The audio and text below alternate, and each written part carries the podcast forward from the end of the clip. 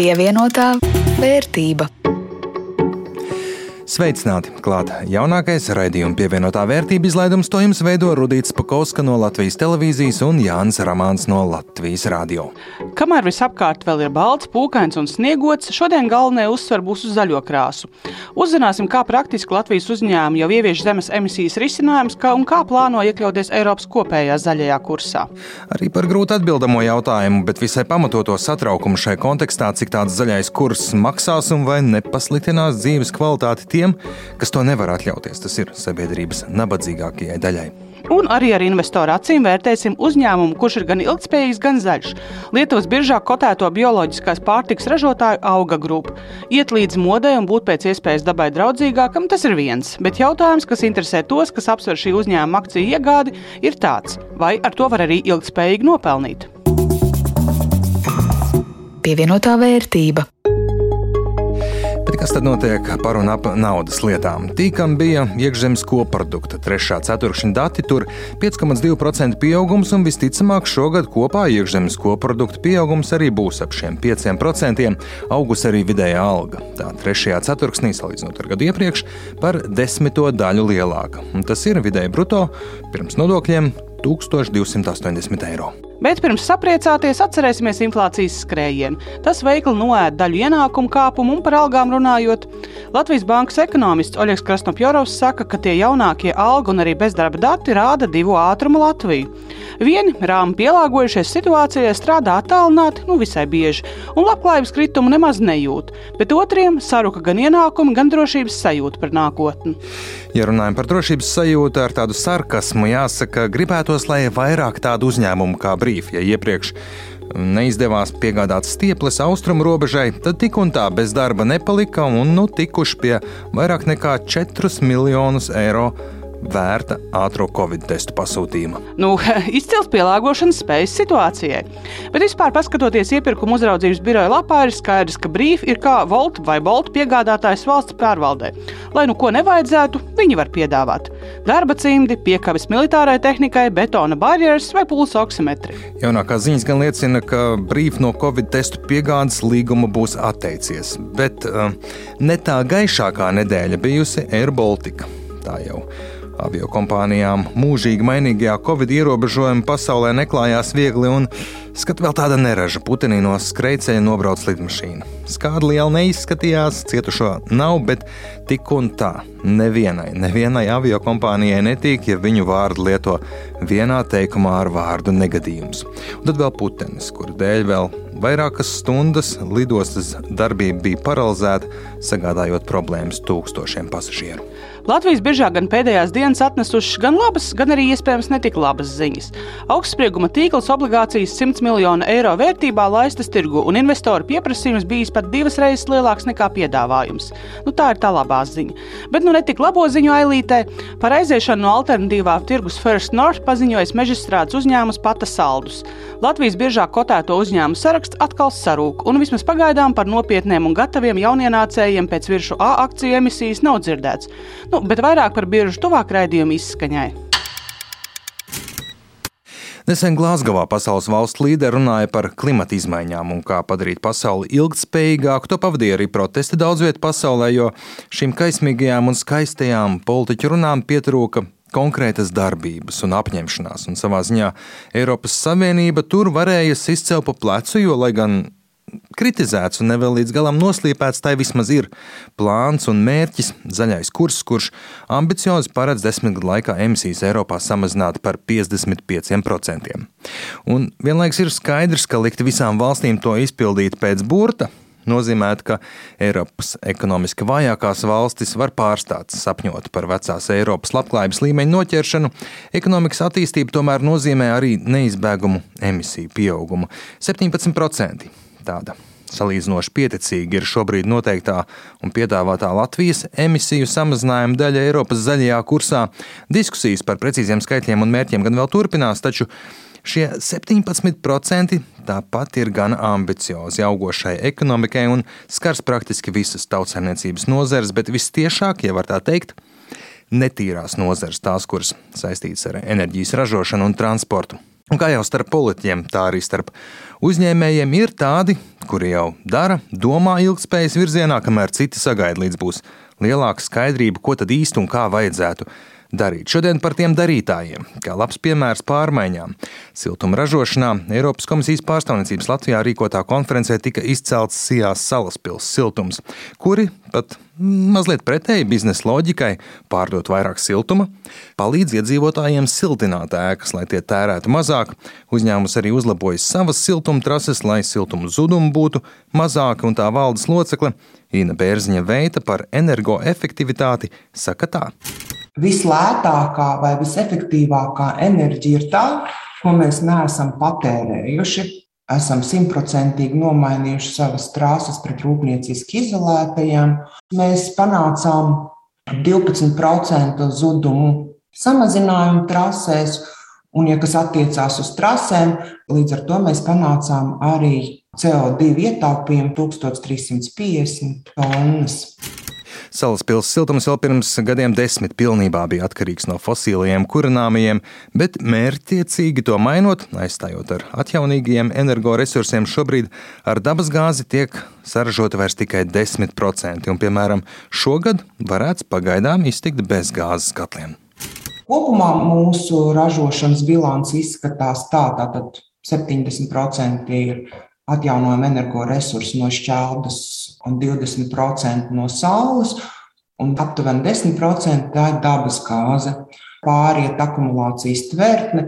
Līdz šai dienai mēs vēl neesam izmantojuši dabas gāzi, pateicoties tam, ka mēs spējam izlīdzināt ražošanu, uzkrājot siltumenerģiju akumulācijas tvertnē.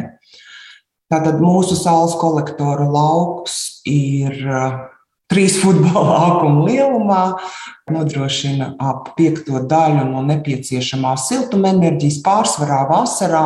Bet, ja mēs vasarā neko nededzinot, varam apgādāt pilsētu ar karsto ūdeni, es domāju, tas ir ļoti daudz un atsveicami. Un, lai gan uzņēmumā pēdējos gados veiktas investīcijas uzlabojumi, tostarp uzstādīts iespaidīgais izmērā saules enerģijas parks, siltumtarifs Salaspilī ir turpinājis gadu no gada sarukt no 72 eiro par megawatu stundu 2010. gadā līdz 48 eiro par megawatu stundu šajā apkurses sezonā. Un savā ziņā parādot, ka nevienmēr zaļāk un atjaunīgāk nozīmē arī dārgāk. Par saviem zaļajiem plāniem nesen plaši stāstīja arī degvielas tirgotāja nozars uzņēmums Virši, iesaļojot biržā, piemēram, tā degvielas vedēju autoparkā no dīzeļa pāries uz biometāna tehnoloģijām, kurš šobrīd vienīgais degvielas veids, kur pilnais ražošanas cikls ir ar mīnus zīmē emisiju jomā. Plāni ietver arī saules enerģijas izmantošanu principā radot jaudas ziņā vienu no lielākajiem saules parkiem, stāsta virsmu biznesa attīstības vadītājs Jānis Bethers. Grocēnu stācijā uzstādījuši saules paneļus. Mēs šo saules paneļu jaudu palielināsim gan brocēnu stācijā, gan arī daudzās no mūsu 60 stācijām. Es redzu, ka jau nākošais gads mēs sasniegsim ievērojumu jaudu un līdzināsimies tām jaudām, kas šobrīd ir Latvijas lielākajos saules parkos. Vienīgi to atšķirību, ka mums būs daudz un izkliedēti šie ražošanas eh, punkti, un tie līdzināsies jaudu ziņā tam, kas šobrīd koncentrēti vienā vietā Latvijā lielākajos saules parkos ir uzstādīts. Nu, tāpat pie jaunu stāciju būvniecības, protams, izsveram iespēju izmantot siltumsūkņus siltumenerģijas ražošanai. Uzņēmumam ir vērienīgi plāni nākotnē, kad Latvijā būs stipri vairāk elektroautorātu, bet šobrīd tos atļauties var sabiedrības bagātākā daļa, un uzņēmums jau tagad rēķinās ar to, ka jādomā gan par ātru un jaudīgu luksusa klases elektroautorātu uzlādi, un vienlaikus jāpiedāvā lētāki, netik jaudīgi risinājumi tiem, kas brauks ar budžeta klases spēkratiem. Zaļā kursa sociālās nevienlīdzības aspekts un ietekme Nav līdz galam skaidra ne tikai Latvijā, par to būtu jārunā vairāk. Tā savukārt saka Latvijas Bankas padoms, padomnieks un ilgspējas virziena vadītājs Edvards Kušners, aicinot uzņēmējus un arī valsts pārvaldi ne tik daudz koncentrēties uz tuvo mērķi šiem 17%, bet gan uz apņemšanos sasniegt klimata neutralitāti ilgtermiņā. Citādi var sanākt tā, ka tiek investēta nauda, laiks, lai sasniegtu nelielu emisiju kritumu jomā, kur pēc būtības klimata neutralitāte nemaz nav iespējama. Kušners pēc savas personīgās pieredzes arī sapratis, ka atjaunīgo enerģijas ieguves iekārtu uzstādīšanā Latvijā ir tādi kā mežonīgie rietumi, piemēram, par vēja izraisītiem bojājumiem. Uzstādītājs neatbild, un nekādi neesošie, ne nākotnes prognozētie vēja stipruma standarti būvu normatīvos netiek ievēroti. Izrādījās, ka ir tāds ļoti veikls juridisks formulējums līgumā, ka jebkādas ārēji apstākļi radītas slodzes, tā skaitā arī vējš, lietus, sniegs, ir pilnībā laukām no garantijas noteikumiem. Tas ir tipveida produkts, es nerunāju par kaut kādu ļoti individuālu pieredzi.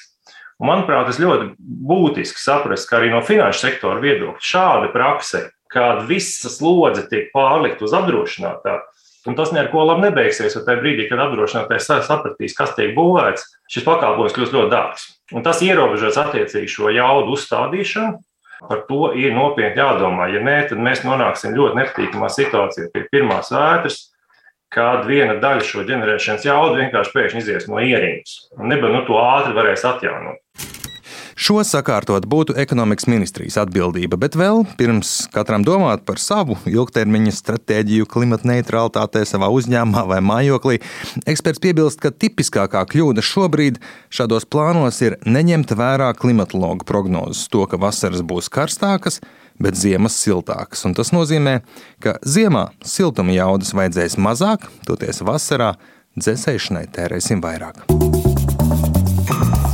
pievienotā vērtība. Kas notiek Baltijas biržā? Līdzīgi kā citvietā bažas par jaunā Covid paveida omikrona ietekmi akciju tirgu ietekmē negatīvi, kopējais vidējais kritums Baltijā 0,7% nedēļas laikā, bet, ja paskatāmies sīkāk, tad Rīgā viss mierīgi, kritums tāds neliels par 0,2%. Galvenais lejupvilcējs bijusi Tallinas birža ar teju mīnus 2% nedēļas laikā, bet Viļņā vidējā temperatūra plusos 1,2% klāt. Un Visticamāk, tas nozīmē, ka jau otro nedēļu pēc kārtas rudītes uz Lietuvas pusi orientētais ieguldījumu portfelis būs turpinājis ķert vērtības ziņā rokā manējo. Tā ir rudīta. Protams, vai jūti manu karsto elpu pakausī? Nē, nu labi, labi. Man neiet slikti, bet līdz tavam portfelim visticamāk vēl nāksies pasvīst. Šobrīd vērtība ir 428,43 eiro, un es nevaru saņemties un kaut ko pārdot. Man visas manas akcijas ir tik tuvas un mīļas. Un uz visām ir liktas lielas cerības.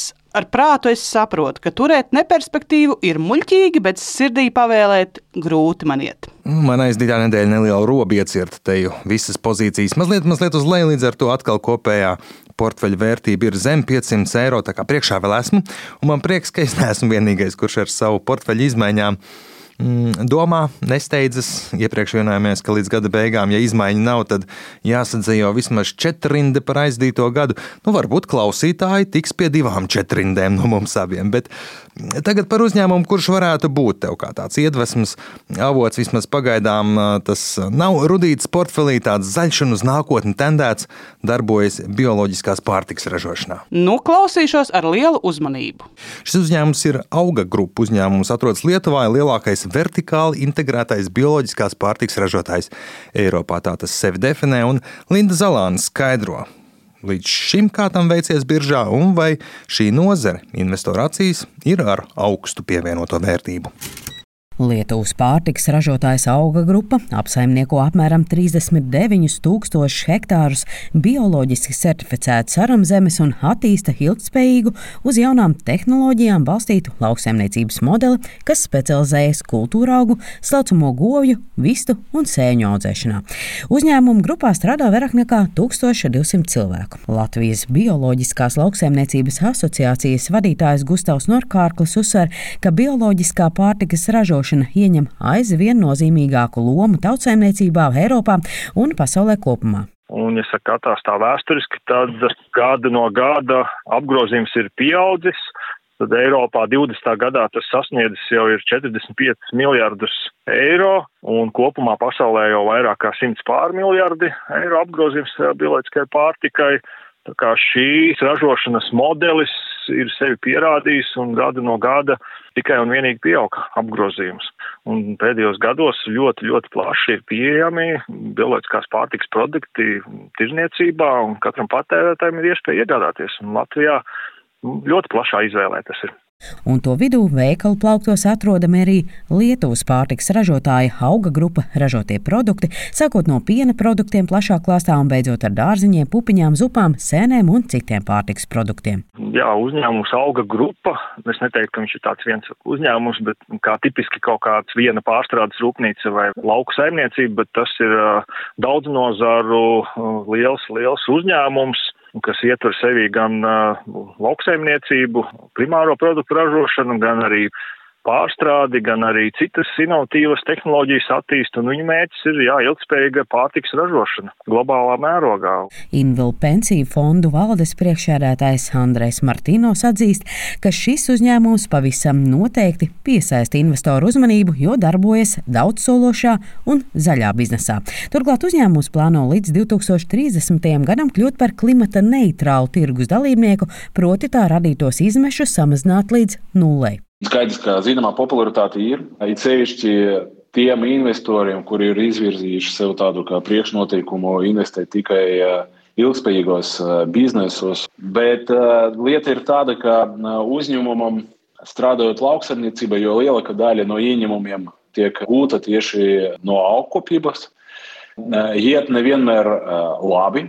Tas ir principā diezgan svārstīgs biznesa. Un to tieši un pamatīgi ietekmē klimats un laika apstākļi. Lauksaimnieki saņem arī subsīdijas un palīdzību no valstu puses, jo nevienmēr laika apstākļi ir labvēlīgi. Īpaši skaudri to izjūt bioloģiskās saimniecības, kuriem labu ražu sasniegt ir grūtāk. Un, attiecīgi, ja ir kaut kādi nu, gadi vai ir kaut kādi brīži, kad ar to ķīmiju vai tradicionālu lauksaimniecību var vēl izvilkt, tāpēc ka tas negatīvas ietekmes var sekt ar, ar netīram tehnoloģiem, teiksim tā, e, ekoloģiski netīram tehnoloģiem. Tad šeit tādas iespējas nav un principā teikšu tā, ka pēdējos gados nu, nevar teikt, ka uzņēmums ir ļoti pelnošs. Bet no otras puses, viņi daudz dara, lai kļūtu par tādiem, ka viņi ir iegādājušies hibrīda traktorus, kas darbojas uz biogāzes, kuru viņi paši ražo. Tas faktiski arī padara šo biznesu vēl tādu klimatu neitrālāku, bet pagaidām viņi vēl nav iemācījušies ar visu šo kas saka, pelnīt labu naudu saviem investoriem. Andrejs Martīnovs prognozē, ka tas ir laika jautājums, kad auga grupa to iemācīsies, jo zināmam know-how ir jābūt, jo ir maz tādu uzņēmumu, kas ar bioloģiskās pārtiks ražošanu tādos apjomos nodarbojas. Bet eh, noteikti, ja mēs skatāmies uz priekšu, Nu, it sevišķi, ja mēs eh, lēmjam vai redzam savā portfelī ilgspējīgos un uz klimata neitrālus biznesus, tad šis varētu būt eh, viens no tādiem izteiktiem ieguldījumiem. Martīnos teica, ka sliktie ražas gadi nevar būt mūžīgi un noteikti būs periodi, kad auga grupa labi nopelnīs un atnesīs ražu arī investoriem. Turklāt pieprasījums pēc bioloģiskiem produktiem aizvien pieaug, uzņēmuma pieredze palielinās un ilgtermiņā auga grupa akcijas būs vērtīgs ieguldījums. Linda Zalāne, Latvijas radio. Pievienotā vērtība. Ar to arī ir galā šīs nedēļas pievienotās vērtības raidījums. To jums veidoja Jānis Ramāns no Latvijas radio un Rudīts Pakovskis no Latvijas televīzijas par labskaņu rūpējās Uldis Grinbergs. Šo un citus raidījumus varat atrast un noklausīties arī Latvijas radio mājaslapā un raidierakstu vietnēs. Uz tikšanos pēc nedēļas! Pievienotā vērtība.